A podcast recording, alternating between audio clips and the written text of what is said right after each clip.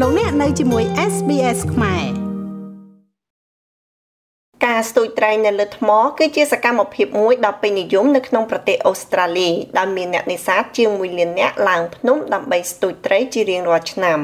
ឆ្នេរសមុទ្រដ៏ស្រស់ស្អាតរបស់ប្រទេសអូស្ត្រាលីតាក់ទាញអ្នកនេសាទជាង1លាននាក់នៅលើថ្មជារៀងរាល់ឆ្នាំប៉ុន្តែការស្លាប់តាក់ទងទៅនឹងការនេសាទលើផ្ទាំងថ្មជិត200នាក់ត្រូវបានកត់ត្រាចាប់តាំងពីឆ្នាំ2004 ពលគឺ13នាក់បានបាត់បង់ជីវិតជាមធ្យមក្នុងមួយឆ្នាំដែលភាគច្រើនដោយសារតែកង្វះការយល់ដឹងអំពីហានិភ័យដែលពាក់ព័ន្ធជាង3ភាគ4នៃជនរងគ្រោះកើតនៅបរទេសពាក់កណ្ដាលនៃពួកគេមកពីអាស៊ីលោកសេនដាវអ្នកគ្រប់គ្រងទូតផ្នែកសុវត្ថិភាពឆ្នេរសមុទ្ររបស់ Surf Line Saving Australia បាននិយាយថាមនុស្សដែលធ្លាប់នេសាទនៅក្នុងស្ថានភាពទឹកស្ងប់ស្ងាត់នៅក្នុងប្រទេសកំណើតរបស់ពួកគេ ជារឿយៗមិនសមនឹងលក្ខខណ្ឌអាកាសធាតុជំនោរនិងឆ្នេរសមុទ្ររបស់ប្រទេសអូស្ត្រាលីនោះទេលោកដាវនិយាយថាវាជាការសំខាន់ក្នុងការសង្កេតលក្ខខណ្ឌរហូតដល់30នាទី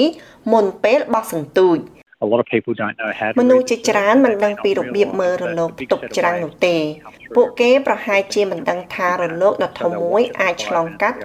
រាល់10 15 20និង30នាទីដូច្នេះអ្នកស្ទូចត្រីមើលរលកត្រឹមតែរយៈពេល5នាទីហើយក៏គិតថាទៅបានយល់ថាมันមានរលកទេប៉ុន្តែបន្ទាប់មករលកមួយមកដល់10នាទីក្រោយ ហើយក៏បក់ពួកគេទម្លាក់ពីថ្ម Spiros vacillides ដែលមានដើមកំណើតពី Cyprus បាននេសាទនៅលើថ្មអស់រយៈពេលជាង20ឆ្នាំមកហើយគាត់និយាយថាកីឡាដែលគាត់ចូលចិត្តធ្វើឲ្យ adrenaline កើនឡើងនៅរាល់ការធ្វើដំណើរនេសាទរបស់គាត់ប៉ុន្តែគាត់ដឹងច្បាស់អំពីគ្រោះថ្នាក់នៃលក្ខខណ្ឌខុសៗគ្នា I always tell my wife that I ខ្ញុំតែងប្រាប់ប្រពន្ធខ្ញុំថាខ្ញុំស្រឡាញ់នាងមុនពេលដែលខ្ញុំទៅស្ទូចត្រី ហើយខ្ញុំព្យាយាមឲ្យអស់ពីសមត្ថភាពដើម្បីប្រកាសថានៅពេលដែលខ្ញុំទៅខ្ញុំចាក់ចែងដោយភាពរីករាយព្រោះខ្ញុំយល់ថាខ្ញុំមានគ្រោះថ្នាក់ប្រសិនបើខ្ញុំមិនបានឆ្វេងយល់អំពីអាកាសធាតុហើយប្រសិនបើខ្ញុំធ្វើខុសលក្ខខណ្ឌខណៈដែលខ្ញុំនៅទីនោះហើយខ្ញុំគិតដូច្នេះដោយសារតែបទពិសោធន៍ជាច្រើនឆ្នាំមកហើយ នោះជាអ្វីដែលវាបានបង្រៀនខ្ញុំថា នៅពេលដែលអ្នកទៅស្ទូចត្រី អ្នកត្រូវតែគិតដូចនេះព្រោះវាមានគ្រោះថ្នាក់ខ្លាំងណាស់សូមជម្រាបថា adrenaline គឺជាអរម៉ូនមួយប្រភេទផលិតដោយរាងកាយដើម្បីឲ្យចង្វាក់បេះដូងដើររហ័សនិងត្រៀមខ្លួនប្រយុទ្ធនឹងគ្រោះថ្នាក់នានាការសិក្សារបស់ Surf Life Saving បានរកឃើញថាអ្នកស្ទូចត្រីលើថ្មម្នាក់ក្នុងចំណោម4នាក់គេមិនពូកែហែលទឹក ឬមិនអាចហែលក្នុងមហាសមុទ្របាននោះទេ គេក៏បានរកឃើញដែរថារលកសមុទ្រនិងផ្ទៃរអិលអាចបណ្ដាលឲ្យអ្នកនេសាទ85%ស្លាប់ប៉ុន្តែមានតែជនរងគ្រោះ4%ប៉ុណ្ណោះដែលពាក់អាវពោងសុវត្ថិភាព នៅពេលកាត់ហេតុសេនដាវនិយាយថាការពាក់អាវពោងសុវត្ថិភាព ពេលស្ទូចត្រីនៅលើថ្ម មានសុវត្ថិភាព និងអាចជួយសង្គ្រោះជីវិតបាន។ It's not uh, mandatory វាមិនមែនជាការតម្រូវនៅកន្លែងជាច្រើនដូច្នេះហើយប្រជាជនជ្រើសរើសមិនធ្វើវានោះទេប៉ុន្តែមានឱកាសជាច្រើនដែលអាចឲ្យអ្នកលង់ទឹកបានដោយសារតែការស្ទូចត្រីនៅលើថ្មហើយយើងដឹងថាមនុស្សជាច្រើនទៀតត្រូវបានរលកបក់ចូលទៅក្នុងទឹកហើយវាមកពីអាវពោងសវត្ថភាពដែលអ្នកនេសាទពិតជាអាចរួចផុតពីគ្រោះថ្នាក់ហើយត្រូវបានគេជួយសង្គ្រោះនិងមានសវត្ថភាពត្រឡប់ទៅផ្ទះវិញលោក Vasilides យល់ស្របថាអាវពោងសុវត្ថិភាពមានសារៈសំខាន់សម្រាប់ការសង្គ្រោះជីវិតប៉ុន្តែគាត់និយាយថាមានរឿងសំខាន់ផ្សេងទៀតផងដែរដូចជាការយល់ដឹងអំពីស្ថានភាពរលកនៅពេលដែលលក្ខខណ្ឌផ្លាស់ប្ដូរខណៈពេលកំពុងនេសាទលើថ្មគាត់និយាយថាយើងត្រូវចងចាំថាការធ្លាក់ពីថ្មអាចបណ្ដាលឲ្យមានរបួសធ្ងន់ធ្ងរ These rocks are ទាំងថ្មទាំងនោះគ្របដណ្ដប់ដោយកូនខ្ចៅឬខ្យងសមុទ្រអ្នកអាចមុតពួកវាខ្លាំងតែម្ដងប៉ុន្តែជាអកុសលអ្នកខ្លះបានស្លាប់មុនពេលដែលពួកគេចូលទៅក្នុងទឹកដោយសារតែពួកគេបោកក្បាលនឹងថ្ម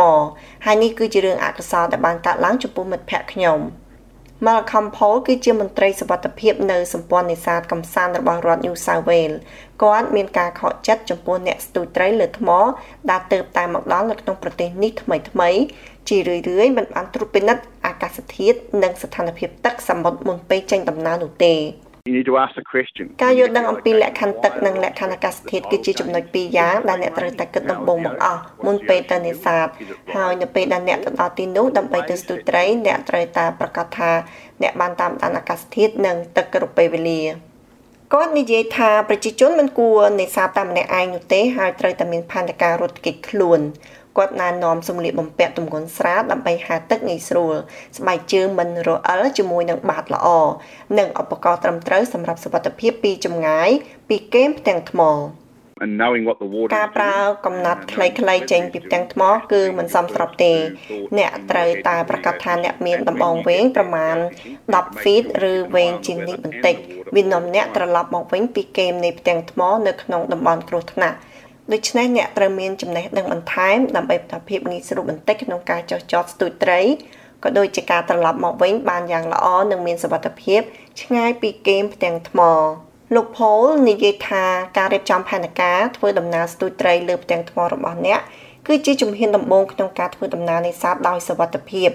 ដោយបានស្ទូចត្រីនៅលើផ្ទាំងថ្មអស់ជាច្រើនទសវត្សរ៍គាត់បានចែករំលែកនៅចំណុចសំខាន់សំខាន់ដែលធ្វើឲ្យគាត់មានសុវត្ថិភាព using short អ្នក rods ត្រូវតែសួរសំណួរនៅពេលអ្នកទៅដល់ទីនោះ make sure ហេតុអ្វីបានជាថ្មសើម ចំណូលផ្លាស់ប្ដូរមានភ្លៀងធ្លាក់សមុទ្រយ៉ាងម៉េចសមុទ្រកំពុងធ្វើអ្វីតើវាកើតឡើងឬតើរលកកំពុងធ្វើអ្វី land of fish as គាត់លើកទឹកចិត្តយ៉ាងខ្លាំងដល់អ្នកនេសាទឲ្យពិនិត្យមើលយ៉ាងហោចណាស់កម្មវិធីពីរផ្សេងគ្នាដូចជាការិយាល័យឧតុនិយម